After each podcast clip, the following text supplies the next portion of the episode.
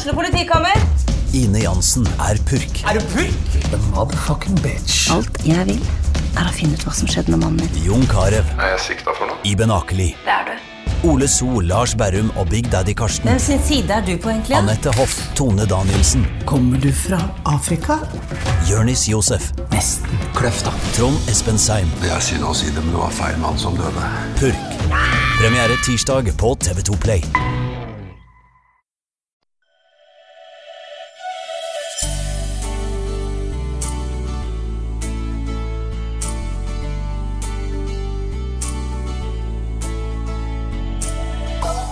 Du hører på Sommerlyd, en podkast fra Tønsbergs Blad.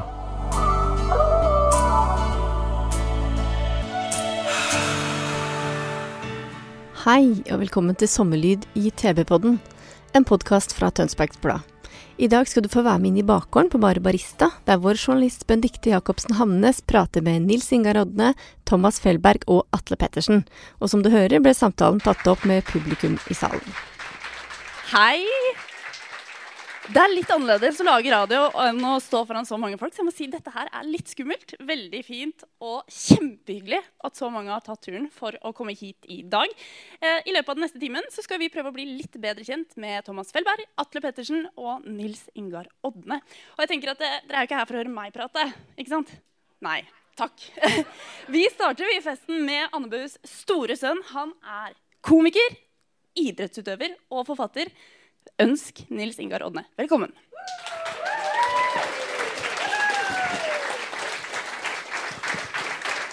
Slå deg ned. Jeg sitter her. Ja, gjør det. Så brun og fin du er. Så hyggelig. Ja, takk for det. Jeg blir ganske fort uh, brun. Eh, det sier jeg ikke for å skryte, men det er sånn det er. Ja, det ser jeg. uh, så, så det er sånn det er. Ja, det er sånn det er. Uh, ja, og så er jeg mye ute i tillegg, da. Ja, For du er jo idrettsutøver, og det skal vi prate litt mer om senere. Det skal vi prate Ja, det skal vi prate om. om. Ja, ja, men Så bra. Du, Aller først skal vi prate om at du skal stå på scenen her i kveld igjen. Bare Ja, noen timer til. Det er jo Vi begynner om bare noen få timer. Ja, Det er jo ganske sykt. Ja, det, det er jo kjempegøy. Jeg har aldri vært det. Dette er første gang jeg er i bakgården. Det fortjener en applaus. Ja. Ja. Og det må jeg jo si er en veldig fint eh, Det er jo veldig hyggelig her, da. Ja, Det er jo rett og slett en bakgård. Eh, en hyggelig bakgård. Og vi skal gjøre standup. André Herman og Sturla og meg. Det blir moro. Men hvordan forbereder man seg til å gjøre standup? Hvordan man forbereder seg? Nei, det er jo Da må du jo på en måte seg å tenke gjennom det du skal si. da. Eh, og ha en sånn noenlunde plan når du går på scenen. Den blir aldri akkurat sånn som du har tenkt på forhånd. Fordi hver kveld er unik, og plutselig er det jo Det er sikkert ikke akkurat den gjengen her som skal være her etterpå, men er det, liksom det er jo forskjellige gjenger i salen eh, hver gang. Så blir det litt sånn forskjellige eh, tilpasninger. Men jeg, jeg eh, Nå om dagen så driver jeg og tester litt sånn nye ting, og sånn, så da må jeg forberede meg og på en måte få de tekstene litt sånn, sånn I hvert fall nesten ferdig til jeg skal på scenen. da. Men er du stressa når du skal teste nye ting? For jeg tenker sånn, Det må være dritskummelt. Ja, nå er det nå, det jeg skal ha i kveld. Har liksom, nå har jeg testa det noen ganger, så jeg er alltid litt stressa så lenge det ikke er liksom sånn 100% Men, eh, men de første gangene er jo helt eh, Det er jo superstress. Hva tenker du da når du tenker sånn, ok, nå kommer noe jeg har skrevet, og dette er helt nytt og ingen har hørt før? og Hva raser gjennom huet ditt da? Nei, du da skal tenker, du, da tenker du selvfølgelig at dette her kommer jo aldri verden til å fungere. Uh, dette, kommer jo, dette er jo bare noe ræl som jeg har skrevet jo Noen ganger er det jo det. Så det er derfor vi tenker det. Eh, så, men så er det noen ganger at det liksom eh, er noe der, da. Så må man utvikle den teksten sakte, men sikkert. da, og Den fasen er jeg på en måte i nå. Eh, men det som er at eh, akkurat den biten av det å være komiker uh, blir ikke noe særlig bedre uh, med årene. Det å teste en helt ny tekst er liksom akkurat like ekkelt hver eneste gang. uansett. Nå har jeg holdt på i 13 år. Så en viss rutine på scenen får man jo. Men akkurat det der, det er liksom Og de som har holdt på i ti år lenger enn meg, og sier akkurat det samme. Liksom. Så det, det, kommer aldri til å bli noe bedre. Så dere liker egentlig å ha den lille nerven der, da? egentlig? Det må jo være det som driver dere litt? Ja, ja, det er jo kjempegøy. Det er jo ingenting. Det er jo som å få opp nye tekster. Og liksom, ja, det var, folk har tenkt på det samme som meg. Eh, De hadde bare ikke tenkt at de hadde tenkt det. Eh, For det er det vi egentlig gjør. ikke sant? Vi sier jo det som egentlig folk har tenkt på, bare at vi, de har ikke tenkt på at de tenker, har tenkt på det. Så det er sånn man lager et humorshow? Ja, det er ikke verre enn det. det er enn det. Det er så det. enkelt det er det å lage et humorshow, eh, Ja. Da kan vi begynne med det alle sammen, og så tjener vi penger, vi òg. Det blir kjempefint. Ja. Men du, hva tenkte du første gangen du gjorde et eh, show foran publikum? Når du tenkte sånn Nå skal jeg ta talentet mitt til scenen. Ja, da Hva tenkte jeg da? jeg, den første gangen jeg gjorde på liksom, sånn amatørscene i Oslo, eh, som var på en måte Jeg gjorde noen, noen slags sånn lukka for litt sånn Da var jeg jo veldig ung, så det var litt sånn Nesten sånn kulturmønstring-ish. da Men, eh, men eh, så gjorde jeg på lukka eh, klubb i Oslo, som var en sånn standup-klubb. da eh, Og den husker jeg ingenting av, den uh, opptredenen. Det var ti minutter. Jeg bare gikk på, så sa jeg det jeg hadde planlagt å si, og så gikk jeg av. Uh, jeg Og hvordan ikke. responsen på det? Ja, det, det husker jeg ikke. Jeg veit egentlig ikke hvordan det gikk. Uh, men det gikk jo så bra at jeg har lyst til å prøve meg igjen. Da. Du ble ikke redd. Nei, jeg ble ikke redd. Men blir du fort redd? Eller kanskje ikke redd, er riktig å si, men stressa på scenen? Har du liksom opplevd å stå på scenen foran mange folk og tenke sånn Nå tror jeg kanskje at jeg ikke bør stå her, liksom. Veit hvor jeg skal hen. og sånn. Ja, det hender jo. Du liksom glemmer tekst og tjo og hei. Da får man heldigvis litt verktøy i verktøykassa når man holder på noen år. da, Men det hender jo det blir litt sånn hvis det er mye, sånn, hvis det er mye støy, f.eks. Det kan jo være en utfordring. Vi har jo en kultur i Norge som heter julebord. Og det er gøy, eller? Nei, det er mye rart rundt omkring eh, i løpet av 13 år i denne bransjen. Det kan jeg love deg. Hva er det mest typiske du opplever da på julebord? På julebord? Nei, det er jo alltid noen som har gleda seg siden januar, da. Eh, til Jeg kan være en av de, tenker Ja. Jeg. Eh, og det er ofte et dårlig tegn. Uh, hvis du har gleda deg så lenge, da, da, da ligger du ofte langt foran de andre. Og, det, det er ikke bra. I hvert fall ikke hvis du skal på scenen. Nei, ikke sant. Den kan jeg se. Men du, hva føler du når du, sånn som nå når folk ler her, uh, men du står på scenen med ditt eget materiale, og så bare kjenner du latteren bare liksom komme som en bølge gjennom rommet og treffe deg fordi de ler av noe du har laga? Hvordan føles det? Det er jo derfor vi holder på, eh, alle komikerne. Tror jeg, Jeg har ikke spurt alle, men jeg regner med at det er derfor man holder på. Det er jo det man har lyst til. da Få den der, Det er det som er så unikt med, med standup. Det er derfor jeg stand, liker standup bedre enn TV, For eksempel. Fordi at øh, Jeg har gjort noe av det også, men det er liksom du lager ting, og så hender det at det går liksom jeg har spilt inn, jeg har vært gjest i et program som kommer til høsten en eller annen gang. Jeg vet ikke når. liksom. Det er ikke så, Du får ikke nerva. da. Mens det er liksom der og da så man klarer å lage den connection med publikum. og Nå er det liksom, nå er det meg og dem, og vi har en greie gående her sammen. Det er helt fantastisk når man får til det. Føler du at du har en liten greie gående her nå, eller? Ja, dette er jo en så fin gjeng da, at jeg føler at vi begynner å få noe gående her. Ja. Det er bra. Ja. Men du, hvor er, du trenger ikke være nervøs, du heller, for du også har jo en greie gående med de her nå. Takk, takk. Det skal Det er sies. helt superbra. Ja, takk, for jeg har vært dritnervøs. Nå har jeg stått på bak her og bare Nå klarer jeg ikke mer, nå klarer jeg ikke mer. Og, men Nils Ingar og de andre har backa, så takk for det. Nå Ja. føler jeg at jeg er inne i en flow. Er det det man sier? Nei? Ja, det Nei. kan man si. Det kan Ja, man si. Ja, så bra. ja. Men du, er du morsom privat? Nei. Nei. Ikke spesielt.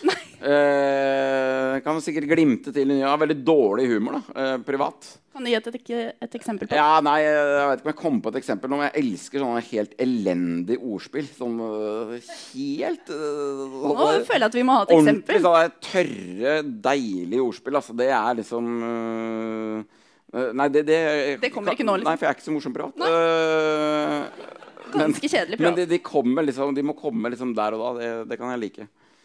Men du, eh, du er jo en person som når du står på scenen, så er det jo på en måte mest deg. Så har vi jo andre profilerte komikere som har karakterer og sånne type ting. Ja. Eh, hvordan føles det at det er du som står der, at du ikke på en måte kan skjule deg bak en karakter, selv om du kanskje tar på deg en form for rolle på scenen?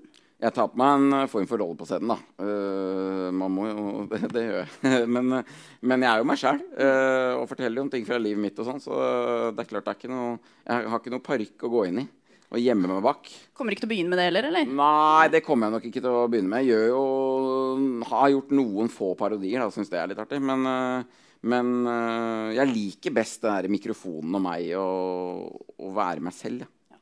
Og det er jo ikke bare mikrofonen du liker, du er jo blitt en idrettsmann. Ja. Ja. Det, jeg kan jo etter hvert bekrefte det. I all beskjedenhet så må jeg nesten si det nå. Ja. Eh, Fordi da du kom her i stad, tenkte jeg sånn OK, du ser at det er en idrettskar. Du så liksom så veldig sånn pumpa ut og bare pumpa ut. Ja. Uh, Ja, ikke sånn, da! det sjelden folk sier det. Pumpa. Ja, du skjønte hva jeg mente. Det var et kompliment. Ja, ja, det var et kompliment. Nå ble jeg Ja, stressa, jeg pumper veldig lite. Jeg pumper, pumper lite. Du pumper litt. Eh, Ja, men, jeg du går har jo en biceps, liksom. mye på rulleski. Da. Ja. Mye på rulleski. Og da Hva sier du? Eh, I Andebu Er du fra Andebu ski? Er det Ikke sant? Her, Så hyggelig! Sunniva Sol... Det er det deg? Ja. eh, Nå Det er ungene dine som går på ski i Andebu. De gjorde, de gjorde sammen med meg i gamle dager. Sunniva gikk på Sånn, ski det må sammen du med meg. skjønne. Sunniva gikk på ski med deg. Dette må vi ta i Ja. en egen podkast. for det blir for mye å dra gjennom det nå. Ja, men det er et skimiljø i Andebu. Altså, det er et, uh, det er et skimiljø i Andebu. Det er ikke stort. Uh, når jeg uh, begynte med dette her for tre år siden, på en måte litt mer ordentlig, da måtte jeg melde meg inn i en skiklubb, og da fikk jeg vite at jeg var eneste aktiv over 14 år. I Andebu. Eh, så det var meg. Det var deg. Uh, og det er fortsatt så, er det stort sett meg som representerer Andebu der ute. Men det er jo noen yngre innimellom som, uh, som går i, altså, i aldersbestemte klasser. Det er det vel noen. Men det er bare deg, da. Over Ja, på 14 til. seniornivå Ja. så, er det, så er det tynt i NM, blant annet. ja, det er det. Skal du prøve på noen rekruttering av noe slag nå til Andebu? Jeg kunne gjerne tenkt på, Ja. jeg synes det hadde vært gøy å gått NM-stafetten for Andebu. Det Noen blir jo litt- frivillige som tenker at det kan være et gøy prosjekt? Ja, så vi trenger å rekruttere noen øh, til, å- til å gjøre det. Jeg hadde håpa at det kom opp noen juniorer som var litt, som var litt gode. liksom. Det hadde vært litt artig. Ja, Så det er ikke noen gode anbud ennå? ennå? Nei, de går til Stokke. ja. begynner å gå der, for der er det liksom Storås sikkert og sånn. Ja, ikke sant. Mm. Men du, hvorfor begynte du å satse sånn ordentlig for tre år siden? egentlig? Eh, ja, altså, hvor skal vi begynne da? Det, altså, det begynte jo med Eller det det begynte med Nå må jeg OK. Nå, skal, Nå begynner vi. Ja, nå, nå begynner vi. Da. Jeg, jeg skal ta det, ta det veldig kort, da. Jeg var jo aktiv løper i gamle dager i Tønsberg friidrett. Trente på Greveskogen og, og var aktiv der. Eh, og så fikk jeg kyssesyken, gikk kjempedårlig. Livet gikk inn på et annet stor, eh, spor, begynte med standup, bla, bla, bla. Eh, og så plukka jeg den interessen opp igjen og begynte å gå mer og mer på ski. Ble så ivrig at fy fader, dette er dritgøy. Begynte å gå skirenn. Dette er, øh, kjente det gamle konkurransegenet. Fy fader, det var jo dette jeg holdt på med uh, i gamle dager. Ville gjøre mer av det. Så gikk jeg inn i det som het Prosjekt toppidrett, hvor jeg var toppidrettsutøver på heltid Uh, i en sesong. uh, som da den boka er skrevet uh, om det og sånn. på et profesjonelt langrennslag. Gjorde ikke noe standup det året. Var liksom hardcore. Så skjedde jo det som ikke skulle skje. Uh, at, eh, for jeg skulle holde på et år, og så skulle jeg liksom bare være som mosjonist etterpå. Så ble jeg jo fullstendig hekta, selvfølgelig. Ja, Og du kommer ikke ut av det? Jeg kommer ikke ut av det. Så nå er det fjerde sesongen, uh, og jeg har uh, mellom oss Det skal ikke forlate denne bakgården. I bakgården, aldri trent mer enn jeg har gjort denne sommeren. Så Og hva vil det si? Nei, det er mye. Det er på nivå med toppidrettsutøverne. Så jeg håper jo at jeg har mer inne. Jeg har så lyst på noen gode plasseringer i Vasaloppet. Jeg vet at det høres dust ut. Jeg syns det er fint, jeg. Det høres veldig rart ut, men jeg har skikkelig lyst til å bli topp 100 i Vasaloppet. Jeg tror du klarer det. Ja.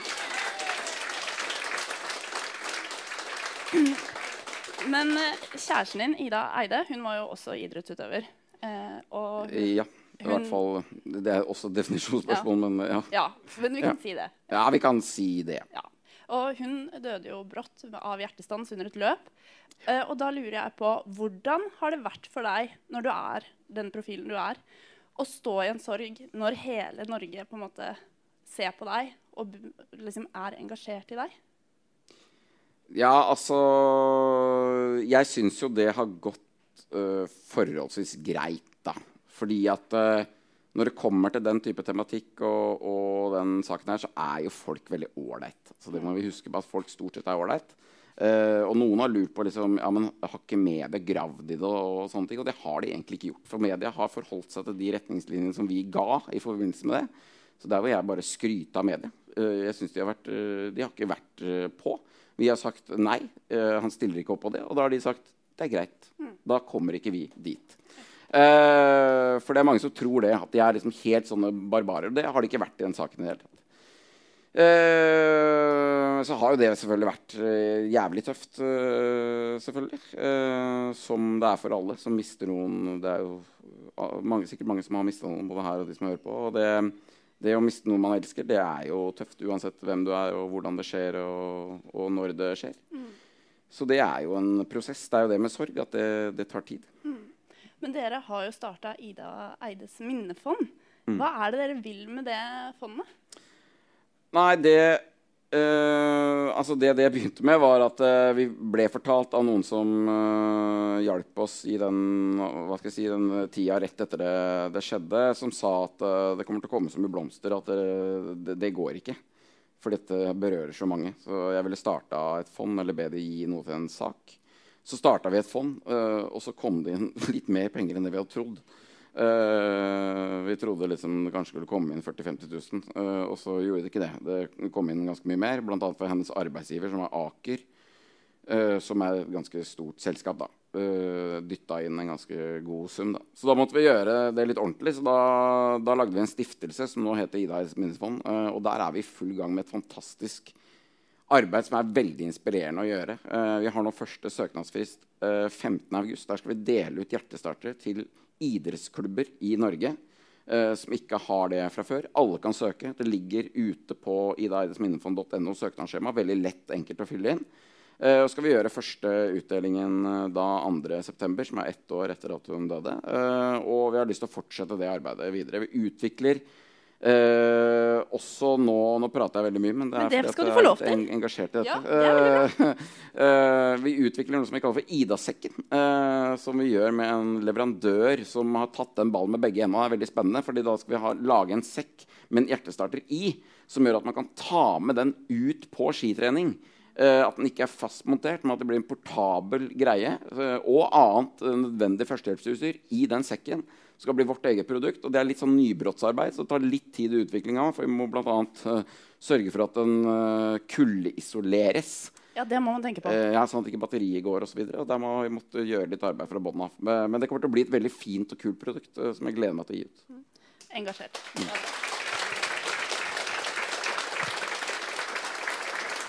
Men eh, jeg skjønner jo det at dette betyr veldig mye for deg. Og da er jo kanskje eh, neste spørsmål sånn hva, hva, betyr det å kunne jobbe med det her videre nå for deg? Nei, det er veldig Jeg syns det er kjempegivende. Eh, jeg liker veldig jeg, Ja, det syns jeg det er, det er gøy og givende og inspirerende å jobbe med. Og vi får jo Uh, ja, vi får jo masse støtte. En av Idas venninner som har vært ute og løpt med, de hadde sånn stafettlag på Holmenkollstafetten med en T-årsdag her om dagen. Og da det var en som hadde stoppa henne og sagt du, stopp, jeg må se det Vipps-nummer, for jeg har lyst til å gi støtte til arbeidet. Når man hører sånne historier, så blir man veldig inspirert til å liksom, jobbe med det. Folk har lyst til å bidra. Og, og, og vi har jo også Jeg har ikke lært nok om dette ennå, men, uh, men, jeg har lært såpass mye at det, er, at det mangler litt da, på hjertestartere i norske idrettslag. Uh, og generelt så ligger Norge litt bak f.eks. Danmark, som er mye mye, mye bedre enn oss uh, i å ha stas, uh, plassert ut hjertestartere. så vi har en vei å gå, og det å være med på det arbeidet, det, det gleder jeg meg til. Så bra. Det fortjener en applaus til. Ja. Men det er jo ingen tvil om at du er en travel mann da, når du eh, nå er styremedlem i Ida Idretts eh, minnefond. Du er komiker, og så er du også da idrettsutøver. Slapper du noen gang av? Ja, det er jo veldig viktig. Når man er idrettsutøver, så det er noe man lærer er å slappe av. Uh, fordi det er veldig viktig. er du god på det? Uh, så ja, jeg er nok ikke så god som de beste der. Uh, jeg kjenner jo ganske mange toppidrettsutøvere etter hvert, og mange av de er liksom enda råere enn meg. For jeg har jo litt andre ting jeg skal gjøre, og jeg skal rundt med show og, og sånne ting. Men, men uh, jeg slapper jo av en del òg. Jeg har nå i sommer vært masse på gården hjemme i Andebu, og der er det jo veldig stille og rolig og fint. Da. Så litt avslapping. Absolutt. Så er jo spørsmålet da, om de neste gjestene som kommer på scenen, har fått slappe av i sommer. For de spiller show på Oseberg. Gratulerer med Jan heter det. Ta vel imot Thomas Felberg og Atle Pettersen.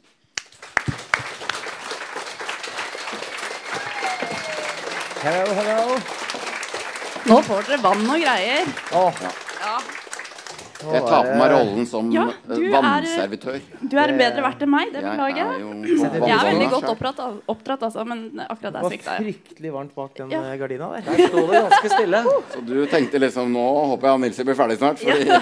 Trenger jo ikke idrett, det er bare å stå der. Ja. Blir svett av det, si. Svetta som en langrennsstjerne, jeg nå. Så. Ja, du har det. Ja, men uh, velkommen hit, da. Takk for det. takk ja. for det. Du, svette og deilige, her sitter vi. Ja. Det er nydelig, altså. Ja. Hyggelig med folk òg. det kan denne podkasten hete. Tre svette karer. Tre svette karer. Der tror jeg vi har innsalget, faktisk. Bare mm. noter det, Marie, så blir det kjempefint. Men du, eh, hvordan har sommeren vært så langt? Har dere fått slappa av innimellom? Gratulerer med Jan, eller? Ja, jeg eh, har slappet av som bare det innimellom. Eh, vi spiller jo stort sett alle helgene, så da har man jo den luksusen at man har fri helt fra søndag helt til eh, onsdag. Det er jo eh, Altså, det tilhører flere dager i strekk. Det er flere dager i strekk. Det er luksus. Ja, det er veldig Ja. luksus. Så Hva da- gjør man når man slapper av da, da? Nei, hva gjør man? Eh, Ikke en dritt. Jeg ser på Frustrerte fruer, stort sett. Nei, gjør du det? Kommet meg gjennom nå på en, uh, tre uker. Fra Du er ung, Atle. Du er helt ung. til sesong seks har jeg kommet meg til nå. På tre uker. Da har du sett mer frustrerte fruer enn meg, faktisk. Ja, det er fantastisk. Du, det er en kjempebra serie. Jeg har sett alle selv. Jeg er helt med, Atle. Ja, den Men jeg, har jeg har komplett på DVD. Har, tuller du? Nei, nei. Nei. Det er ikke bare for damer, det. Det er jo en kjempebra serie med masse deilige intriger og masse bra karakterer. Har du lært noe av frustrerte fruer? Damene nikker, mennene ler er litt usikre. Men det, dere vet. Dere vet har jeg mye ugjort. Altså. Jeg har seks, tror seks, det. Jeg er helt med gode. Se Det er Desperate åtte fruer. Den er totalt. kjempe... Det er åtte Det er totalt. åtte totalt, så det er mye godsaker. Det er Altså. Det skjer mye gøy, altså. Jeg kjente, jeg, dette, nå kjente jeg at jeg ble litt satt ut, for dette var kanskje det siste jeg hadde trodd om dere. Men det er jo deilig å lære nye ting, tenker jeg. Ja, det er verdens beste serie. Ja, Den er kjempebra, faktisk. Fordi nå følte jeg, nå er jeg mer interessert i å prate om frustrerte fruer, men det er kanskje litt dårlig stemning å gjøre det nå. Kom litt på sidelinja. Ja, så Vi kan kanskje jo snakke om Clint Eastwood hvis det føler at du føler deg mer det, vel. men- Der har jeg veldig lite kompetanse, faktisk. Ja, er du, ja. Skal vi heller prate litt om Gratulerer med Jan, Ja, la oss kanskje? gjøre det. Ja, La du, oss fordi gjøre det. eh, det, Dere er jo fire stykker som står på scenen. Mm. Lise Karlsnes og Knut Anders eh, Sørum. Eh, og jeg lurer på, hvordan ble det til at det var nettopp dere fire som eh, skal underholde på Oseberg denne sommeren her? Ja, spør du meg, så Det er spør jo jeg kanskje deg. produsenten Trond Myhre som vel uh, hadde terninger med veldig mange kandidater, og så spilte han yatzy. Puh, kom våre fire navn opp akkurat på fire like. Boom! Yes. Ja. Det er en enkel og grei løsning, tenker Ja, det, det, det funker, det. Men, det, men for, å, for å svare litt sånn halvseriøst på det da, eh, vi, Nå er jeg spent, kjenner vi, vi vet jo ikke, men jeg tenker jo at det handler om å, å altså Jahn Teigen er jo en artist som, eh, som er så utrolig mye. Han er ikke bare mil etter mil eller eh, det ene og det andre. Det er liksom alle sjangre, alle slags typer låter. Så det krever faktisk litt for å fylle ut hele spekteret, som, som Jahn Teigen er som artist. Og da handler det om å, om å finne en sammensetning da, som, kan, som kan fylle ut alt. Og så er det jo ganske spennende for oss òg, som artister, jobbe med helt andre personer enn en enn oss selv. F.eks. Thomas Welberg. Jeg skulle akkurat til å spørre hvordan har, Eller Atle Pettersen, da. Ja, ikke sant? Hvordan, eh, for dere er jo to litt forskjellige karer. Vi er ganske langt Ja. på hver vår side. Vi er jo litt hver generasjon òg. Jeg kunne jo nesten vært faren hans. Ja. Hadde det vært på 50-tallet, hadde det ikke vært uvanlig å få barn når det var 17 og et halvt. Ikke sant? Det er sant. Nei, det er sant. Men uh, det funker. Det som funker veldig bra, er at eh, jeg har lært at hvis det er noe som skjer, at, som, som krever at man er litt sånn til til stede og f.eks. skal prate, sånn som her Så etter å ha jobbet med Thomas har jeg lært at jeg kan jo bare holde kjeft. For eh, Thomas prater. For han snakker. Jeg dekker inn hullene, vet du. Ja, du gjør det. Ja, men vær så god. Er det noe du vil ta opp nå sånn umiddelbart? Som du tenker er Nei, men Jeg er litt enig med Atle i det. Og personlig òg. Jeg har ikke liksom hatt sånn dypt forhold til Jahn Teigen før dette. Selvfølgelig har jeg et forhold til Jahn Teigen. Alle i Norge har det, uansett. Det er, I hvert fall hvis du er født 1972 som meg. Eh, Men mer hatt sånn mil etter mil-forhold, egentlig. Liksom, eh, men jeg må jo si at jeg har fått en dypere respekt for eh, Jahn Teigen. Og ikke minst en del av de mer seriøse låtene, som har mange klangbunner og som har mange fasetter som på en måte avdekkes etter hvert. Og så har jeg også blitt tatt litt på senga av eh, helt sånn fantastisk stemning blant publikum. Mm. Og så egentlig ikke tenkt på hvor mye levd liv mange har i disse, disse låtene. Første kjærlighet, slå ring, ikke sant, vakre som fins. Så sitter noen ganger folk og gråter i salen. Og det er fordi at det er så mye liv, det er så mange minner. De har levd et helt liv med disse låtene, og det gjør jo at du føler jo det alvoret selv. Og det får man jo veldig respekt for. Altså. For Men- å være litt seriøs. Ja, men Hva tenker du da, hvis eh, dere står på scenen og dere har, fremfører en låt, og så ser du noen sitter og gråter? Rekker man på en måte å ta det inn over seg? Da rekker du det, og så til og med hatt øyekontakt med flere av og nikka de og sagt at faen, det er ordentlig fint. Og så synger vi bare det beste vi kan. Det gjør jo at du vil jo gi noe. Du tar jo ikke og tuller jo ikke med materialet når folk sitter og gråter og har et levd liv til dette her. Sant? Det, det gjør jo at du føler jo det selv òg. Så det er jo vært veldig fint, egentlig. Men føler dere når dere har jobba med det materialet til Jahn Teigen, at dere på en måte har kommet litt under huden hans på et vis?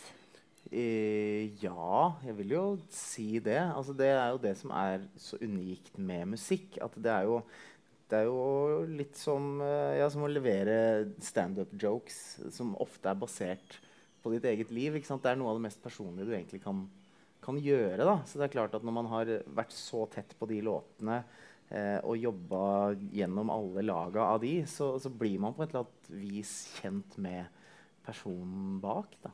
som har stått for dette. Men hvordan klarer man å velge ut låter til et show når han har uh, laga så mange låter? Da må man først sette seg ned. Det er en god start. alle vi med hver vår sånn lille, lille liste. Ja, Så man, eh, man må sette seg ned, eh, skru av lyset, tenne et litt stearinlys, eh, sperre verden ute. Og så må man rett og slett begynne å høre gjennom alt. da. Eh, og når man skal lage et sånt show, så handler det ofte om en sånn slags berg-og-dal-bane-oppbygning. At du vil gå inn med et smell, og så skal du kanskje ta det litt ned. Og så skal du bygge det opp mot et sånt uh, 11 o'clock number, som vi velger å kalle det. Som er liksom uh, du, Det kunne vært avslutningen. Men nei, nei, festen er ikke over ennå. Vi skal uh, litt videre. Så må man finne alle de låtene som, som skaper den oppbygningen. Og samtidig, i et sånt hyllestshow, så handler det også om at alle skal vite Alle skal kjenne disse låtene fra før. da og det har jo ikke vært noe problem da, med Jahn Teigen. For å si det, sånn. det er låter nok til å klare den berg-og-dal-banen? Ja, vi, vi har dunka inn 36 låter på 80 oi, minutter. Oi, så det, oi, oi, det, er ganske mye. Det er ikke alle som er i sin helhet. Nei, det er det ikke. Det rekker man ikke. Så. Jeg må få skryte av Atle. er jo musikalsk ansvarlig her og har arrangert uh, alle vokalstemmene og all musikken. Så det er mye musikalitet som lever her. Bare gi credit where credit's due. Ja, men det, det fortjente faktisk en applaus. Jo, er det da skummelt å starte med et sånt show når du på en måte har hatt det ansvaret? Jeg er livredd. Ja. Det er, er det jo helt Hva tenkte du dagen før premieren, liksom? Jeg tenkte dette Å, oh, gud. Nei, jeg vet ikke hva jeg tenkte. Man blir jo det litt som når du snakka om i stad om det å levere nye tekster da, mm. som du ikke har testa ut før. At ja, jeg har sittet med dette i fire måneder og laga noen greier som jeg mener er bra. Men uh, jeg vet jo ikke hva som er bra. Jeg har bare en mening. Som er jo en livredd uh, liten barnehagegutt som skal i barnehagen for første gang og håper at man får venner. på en måte. Og venner har du fått, eller? Ja, mange ja, venner. ny i barnehagen nå. Blir dobbelt. det blir dobbelt barnehage. barnehage. Det er veldig bra. Men du, det er jo ikke bare musikk. Dere har jo også en del kostymeskift uh, under dette showet. Ja. Dere, hvor mange ganger skifter dere i løpet av en kveld? Har dere tall på det? Uh, dette er faktisk uh, ikke et av de verste, men jeg tror jeg, jeg har vel fire, fire, eller fem skift. Ja, Og du, Thomas? Nei, Det er vel noe så lignende. Og så bytter jeg også briller. Jeg har fem brillepar. Du har mye å holde styr på. Det viktigste. briller på hver, hvert skift. Nå vil ikke jeg være noe sånn uh, avsløre for mye her, men jeg lurer veldig på Er dere i sånn skjelettdrakt? Det fins en skjelettdrakt. Ja, det fins. Det fins Er grønne det du som har tights. Ja, grønne tights. Det fins. Uh, jeg uh, verken, Det er ingen av oss som har skjelettdrakt. Nei, det er det ikke. Men, du Thomas, du har eh, grønne strømpebukser og oppvaskhanske på hodet. Ja, ja, nei, Det er jo egentlig jeg gått med hele livet. Så det, er jo egentlig, det var derfor de ringte meg. egentlig Jeg trenger en mann som kan gå med grønne tights. Fellbar, ja, vi ringer han. Ja. Grønne tights, jeg kommer nå, ja. Ja. Og så var det liksom Skal jeg ta med de jeg har? Eller skal jeg... For det er du som har ansvaret for kostymene. Ja, ja. Ja, Det var derfor jeg ble dratt inn, egentlig. Ja, ikke sant? Ja, så Så jeg, egentlig er ikke jeg med på showet. Jeg står egentlig og har disse kostymene klare. Du tror det er meg, men det er en annen. Det er broren. Jeg kjenner at eh, dette høres veldig interessant ut. Men du, er eh, da lurer jeg på, siden vi snakker om dette med disse kostymene, hvordan er det å tre en oppvaskhanske på hodet? Fordi det tenker jeg er pes når du skal ha det på hendene. Hvordan er det når du da skal jobbe den nedover topplokket? Det er ikke så lett. Nei. Jeg beundrer Primavera for å ha gjort det med en ekte oppvaskhanske. Og jeg skal innrømme at der har vi kanskje gjort en liten sånn teatermove, så den er litt enklere daglig å få på. Så For det er veldig vanskelig, faktisk. Ja, for sannheten er jo sannheten er at uh, det gikk ikke.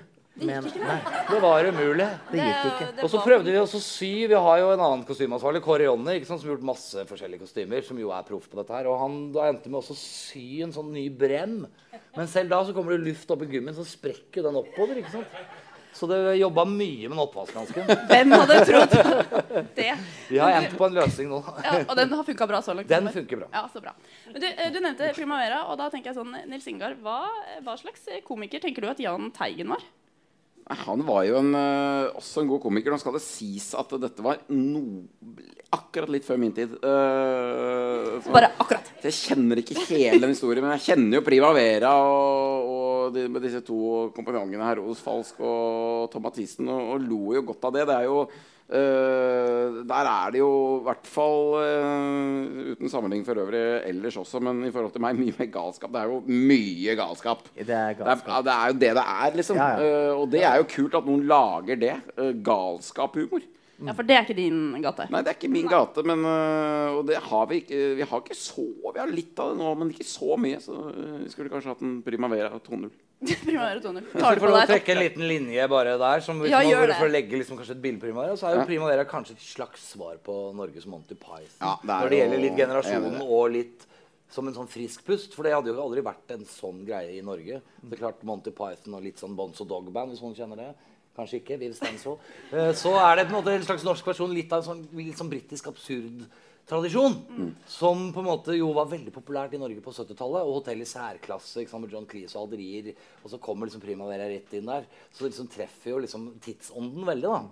Jeg er jo så gammel at jeg husker Primavera. Men eh, da tar du ansvar for prima, Primavera 2.0, eller?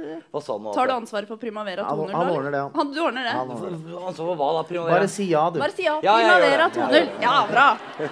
Sånn er det. vet du. Når du liker å skravle, så går det litt fort noen ganger. Beklager det. Det har vært mye rock, vet du. En liten dipp på øvre mellomtone. Ja, men da, vil, da legger vi det på det. Ja, Det var en musikkvits. Sånn, Ja. Sånn rundt 8K. Øvre mellomtone. Er det flere mellomtoner? Det er helt nytt for meg. opplegget. Nå kjente jeg at du redda meg. Det var veldig deilig. Du, eh, men eh, Jahn Teigen, som du nevnte også, han, eh, du har liksom ikke et så veldig sterkt forhold til han, kanskje? For det var litt før din tid, som du sa. Ja, nei, men jeg har jo et, øh, jeg har jo et Alle har et ble sagt der, alle Ja. har et forhold til Jahn Teigen og kommer fra, kommer fra Vestfold i tillegg. Men det sterkeste minnet om Jahn Teigen er jo Grand Prix-opptredenene.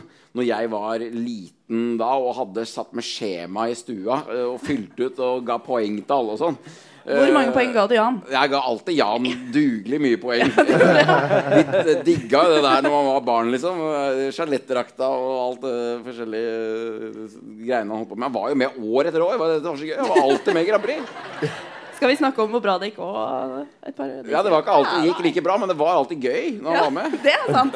Og han har jo vært ekstremt mye i søkelyset og mediebildet også, for han har jo holdt på eh, i over 50 år. Og vi nevnte jo litt på det i stad, eh, hvordan det har vært for deg å ha, stå i medienes søkelys når man er i en sorg. Men jeg tenker litt sånn også for dere. Sånn, dere er jo profilerte mennesker. Folk vet hvem dere er. Går dere på gata, så tenker sånn Å, er ikke det han? Jo, det er jeg. Ja, sett han før. Og så kanskje noen kommer og spør om et bilde og sånn. Hvordan er det å liksom vite at man er et kjent ansikt? Nei, det er jo helt jævlig. Ja, det er det.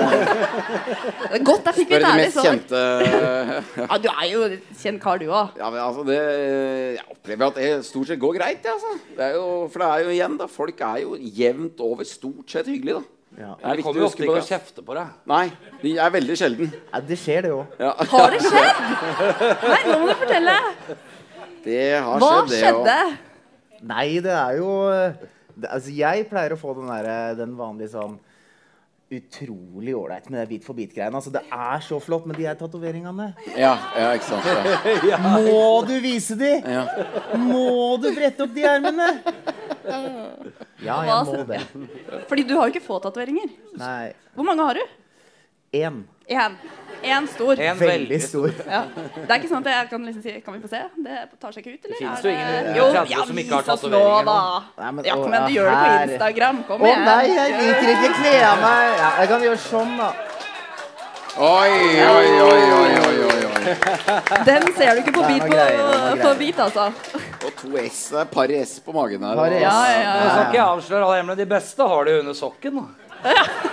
Jeg har, Det som er fordelen hvis jeg lurer på hva jeg skal spise til middag, så er bretter jeg ned sokken. Der står det pasta med laks. Og hvorfor hvis- har du den? Nei, det vet jeg ikke. Og hvis du Er dette noe veddemål, eller? Nei, det var, vi var på en ferie.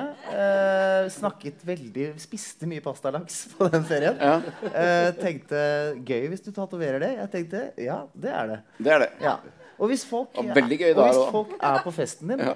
og sier sånn 'Du har vært sykt hyggelig, men nå tror jeg jeg skal stikke hjem. Så sier jeg ingen skal hjem. Ingen skal hjem. Ingen. Ingen skal Og da lurer jeg på historien bak den. Nei, det er jo Det begynte egentlig i utdrikningslaget mitt nå før jeg, før jeg gifta meg. Hvor Eh, vi dro til eh, du vet, Øst-Europa. Skjedde mye ting man ikke kan snakke høyt om. Jeg kjenner at Det er det jeg har lyst til å snakke om. Ja, det ja, det kan vi aldri, aldri snakke om. Det, det begynte vel bare med at uh, det var en som sa han var keen på å gå og legge seg. Det var ingen, var- det, ingen var keen på det. Nei. Det- Så ingen skulle hjem derfra. Og så det måtte du tatovere på leggen bare for å huske Gikk på det? du der og da og gjorde det, eller? Nei, det, for den, så var greia at dette ble jo en greie da, etter utdrikningslaget Ja, ja. som fortsatte i bryllupet. Og ingen ville hjem fra bryllupet. Så på siste dagen i bryllupet så var vi en fem-seks karer som da, da, Det er første gang jeg har brukt Instagram hvor jeg la ut sånn story sånn Do you know a tattoo artist near Det tror jeg faktisk jeg så! Ja. I need one now.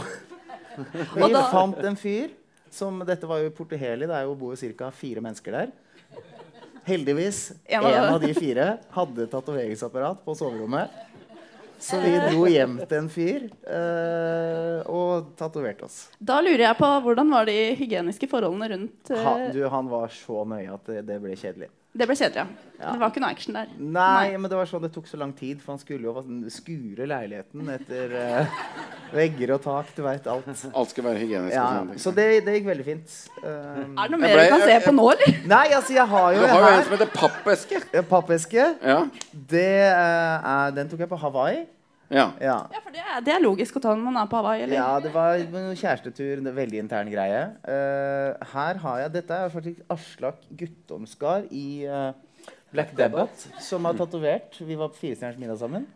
Har han gjort det? Kan jeg få Unnskyld. Jeg merker bare- at når, når- folk spør deg om, om du vil ta en tatovering, da er du et ja-menneske. Ja, det menneske. Det er jeg. Men nå har jeg fulgt opp dette Jan Jahn Teigen, så han har en ingen skal hjem. Så jeg kan fortelle han at jeg har under her Jo, dessverre, jeg må gå. Jeg har en annen avtale. Og så har jeg Min yndlingstatovering er eh, Min yndlingstatovering er på min stortå. Der har jeg en kamel. Nei, det er camel toe. Det er Ja. gøy. Det er gøy. Det er. Det er gøy. Det er, det er, det er gøy. Så Ja, Og du, da? Er du, har du noe Hvis noen er tatovering? interessert senere, så har jeg nettopp kjøpt inn et tatoveringsapparat. Jeg bor nede på Oseberg der. Det er bare å komme innom, så ordner vi. Så yes, ja. da veit dere hva dere kan gjøre i kveld hvis dere er Det interessert. ble- Egen pyresept, da. Ja. Jeg, Eh, eh, For jeg, jeg, ble, jeg har ingen eh, Nei, jeg skulle til å tatoveringer. spørre, du har ikke det? Nei, ingen, eh, fordi jeg er jo ikke så tøff eh, type. Men, eh, men eh, jeg, ble litt, jeg er veldig glad i pasta med laks. Jeg, det er jo veldig bra sånn ernæringsmessig når du driver med idrett. Og Ja, det er jo det, kjempebra men det som er at jeg har glutenallergi, så jeg må ha glutenfri pasta med laks. ja. men skriv det over. Da har jeg Da tatoverer jeg quinoa med laks. Å, vær så snill, kan du ikke gjøre det? Det har vært det er topp, det. Du, ja. du du veit jo hvor Atle bor. Du kan tatovere det. Ja. Ja, men eh, Jeg er litt mer sånn at jeg går en runde før jeg gjør det, enn deg. Men det som er greia, da Jeg er ikke så spontan, merker jeg. Det kommer til et punkt da Ja. hvor du har såpass mye at det, det spiller ingen rolle Nei, ikke sant. lenger. Nei, fordi er Hver gang jeg liksom har tenkt sånn ah, jeg har faktisk lyst på en tatovering, så hører jeg pappa i bakhuet, og så tenker jeg sånn Nei, kanskje ikke jeg skal gjøre det likevel. Men det, det, som er, det som er veldig gøy med tatovering, er at man, man tenker eh, ofte sånn veldig nøye gjennom hva man skal ha, og det tegnes opp og flere ganger og tjo og hei. Og ja, jeg har masse greier som eh, jeg syns er superfint. Men de, som, de tatoveringene som betyr aller mest for meg, som jeg har liksom en sterk, et sterkt og konkret minne til, er jo da den køddeleggen her. ikke sant? Hvor det er ja, Det er køddeleggen. Ja, bra køddeleggen. Ja. Uh, og det er det som er gøy. Da, så han, ha- da vi tatoverte 'Ingen skal hjem', uh, som egentlig er jo ganske latterlig å gjøre så, ja, det er det faktisk. eh, Så han ene kompisen min som gjorde det, det var hans første tatovering. Ja, ja, han tatoverte. Han har ingen tatoveringer. Eneste han har, 'Ingen skal hjem'. Det, På køddeleggen. Ikke sant? For alle må ha køddelegg. alle må ha en køddelegge. Det som er Sverige kult, har da- en avtale. på. Men det som er kult, at det, det er jo en tatovering som, som er ekstremt minnerik for han. Da, og som, er, som, som betyr ganske mye. Så det kan jo være hva som helst. ikke sant? Det er ikke så nøye. Kanskje jeg skal bli litt spontan, jeg òg. For å ta en tatovering. Tenke så En, mye. eh, en, en, eh, en eh, god kamerat sa en gang If you're not living on the edge, you're taking up too much Ja, space. det er Ja, ikke sant. et klassisk sitat. Ja, klassisk sitat. Men du nevnte så vidt at du hadde spurt på Instastory var det ikke det du sa, om Ja. noen visste om eh, en tatovør. Og da Jahn Teigen eh, var på liksom høydaren, så var det jo ikke Instagram og Snap og Face og hurra meg rundt. Eh, hvordan er det å liksom føle at man Eller altså at man er så tilgjengelig nå, sånn for publikum? da, som at ikke bare folk kommer bort på gata, men at man bretter ut litt av livet sitt også på sosiale medier. Ja, det er vel også et, et lite krav om å gjøre det, kanskje. For mange. Jeg føler at Før så var det mye mer sånn eh, Det som var gøy med artister, var at det var liksom mystikk. Det var mye mystikk. Ja, du kjøpte skiva eller du hadde plakaten, men liksom, hvordan var det egentlig? Mens nå føler jeg at det kanskje har blitt sånn snudd på. At hvis ikke du bjuder på, så er du på en måte kjedelig. Litt, da. Altså, det er jo kanskje noe som har blitt litt annerledes. da. Men har dere en grense for hvor mye man skal bjuda på i offentligheten? på Det tror jeg blir veldig personlig. egentlig. Det Mm. tror jeg blir helt opp til enhver. Jeg legger ikke ut så mye, bare fordi jeg er helt uengasjert. egentlig. Det er sånn, hvis jeg skal på ferie, vil jeg ikke at noen skal vite det. Jeg skal jo på ferie. Men det er jo opp til enhver. tenker jeg. Så Alle har sine grenser, og det er jo en helt annen måte å kommunisere på.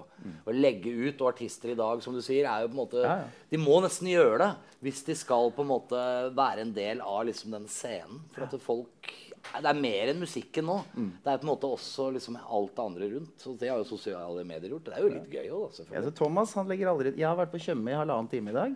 Brukte en time og kvarter på å ta bilde. Du gjorde det? Ja. Og det har jeg sett, og det var et veldig bra Det var stupebilde. bilde. Ja, det var Ja. dritbra, Slapp av et kvarter. Slapp av kvarter. én time på, For på jeg leser jo all sladderen, men jeg er så dårlig på å legge ut sjøl. Men jeg er jo tre år til 50, så jeg tenker liksom Ja, faen, det kan sikkert du tar i morgen, og så har jeg glemt det. Ja, ikke sant? Men fader, jeg er tre år til 40. Jeg er samme greia som deg. Det er ikke, det er ikke, det er ikke bra. Jeg glemmer det, gidder ikke å glemme det. Og sånn. Så plutselig tenker jeg nå skal jeg bli kjempeflink, og da legger jeg ut masse, og så går Jeg tenker ikke det er så farlig. Plutselig så det, er glemmer jeg det det er bare en lavterskelgreie på mange måter. Ikke sant? Bruk det når du er keen på å bruke det. Ja, det var et godt råd. Ja. Men du, eh, jeg har jo sånn, siden vi snakker om Instagram og sånn, jeg har vært sånn som har elska liksom, det fordi man kan plukke opp eh, musikktips, og jeg har delt litt med andre og sånn.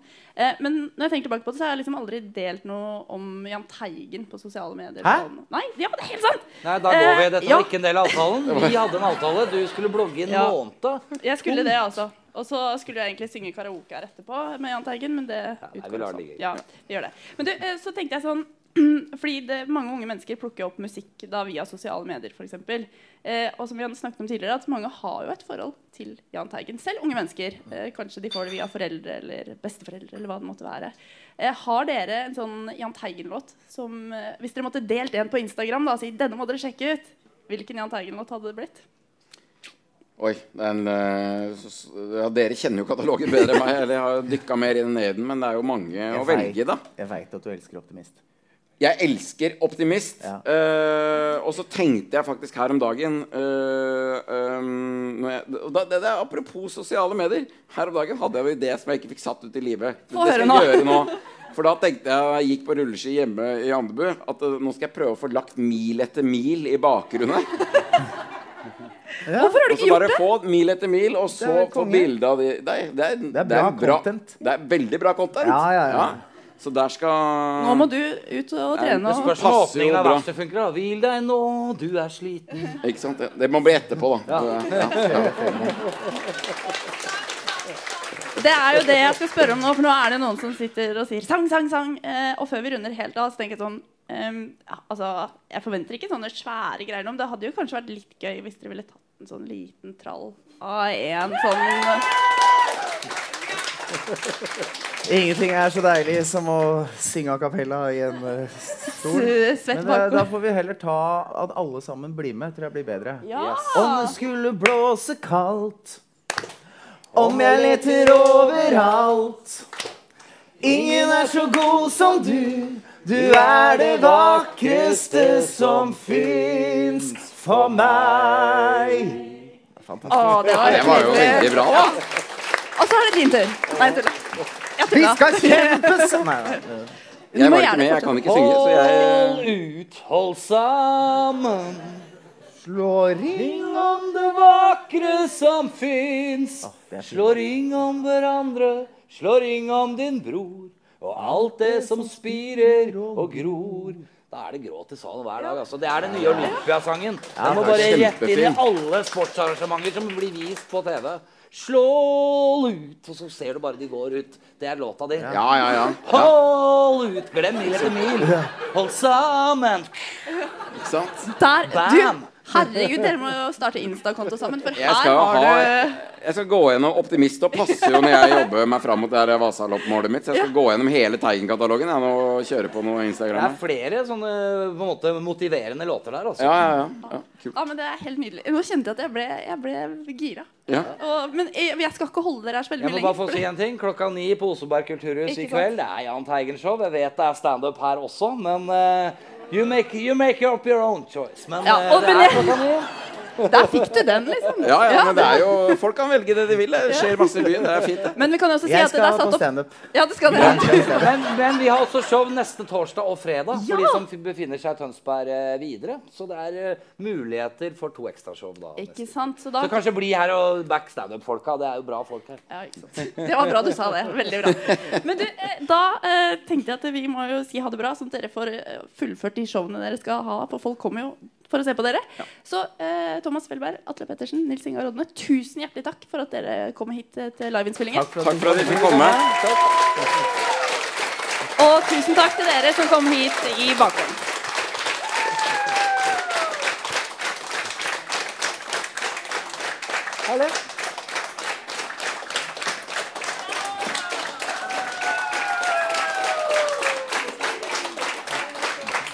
Da, Veldig hyggelig.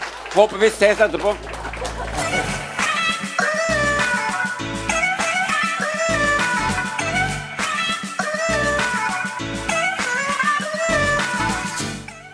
Du har hørt en podkast fra Tønsbergs Blad. Programleder var Benedicte Jacobsen Hamnes, produsent Mario Lausen, og i bakgården sto Dilan Rasol for lyden. Musikken er laget av Janina Kristine, og Sigmund Kydland er vår ansvarlige redaktør.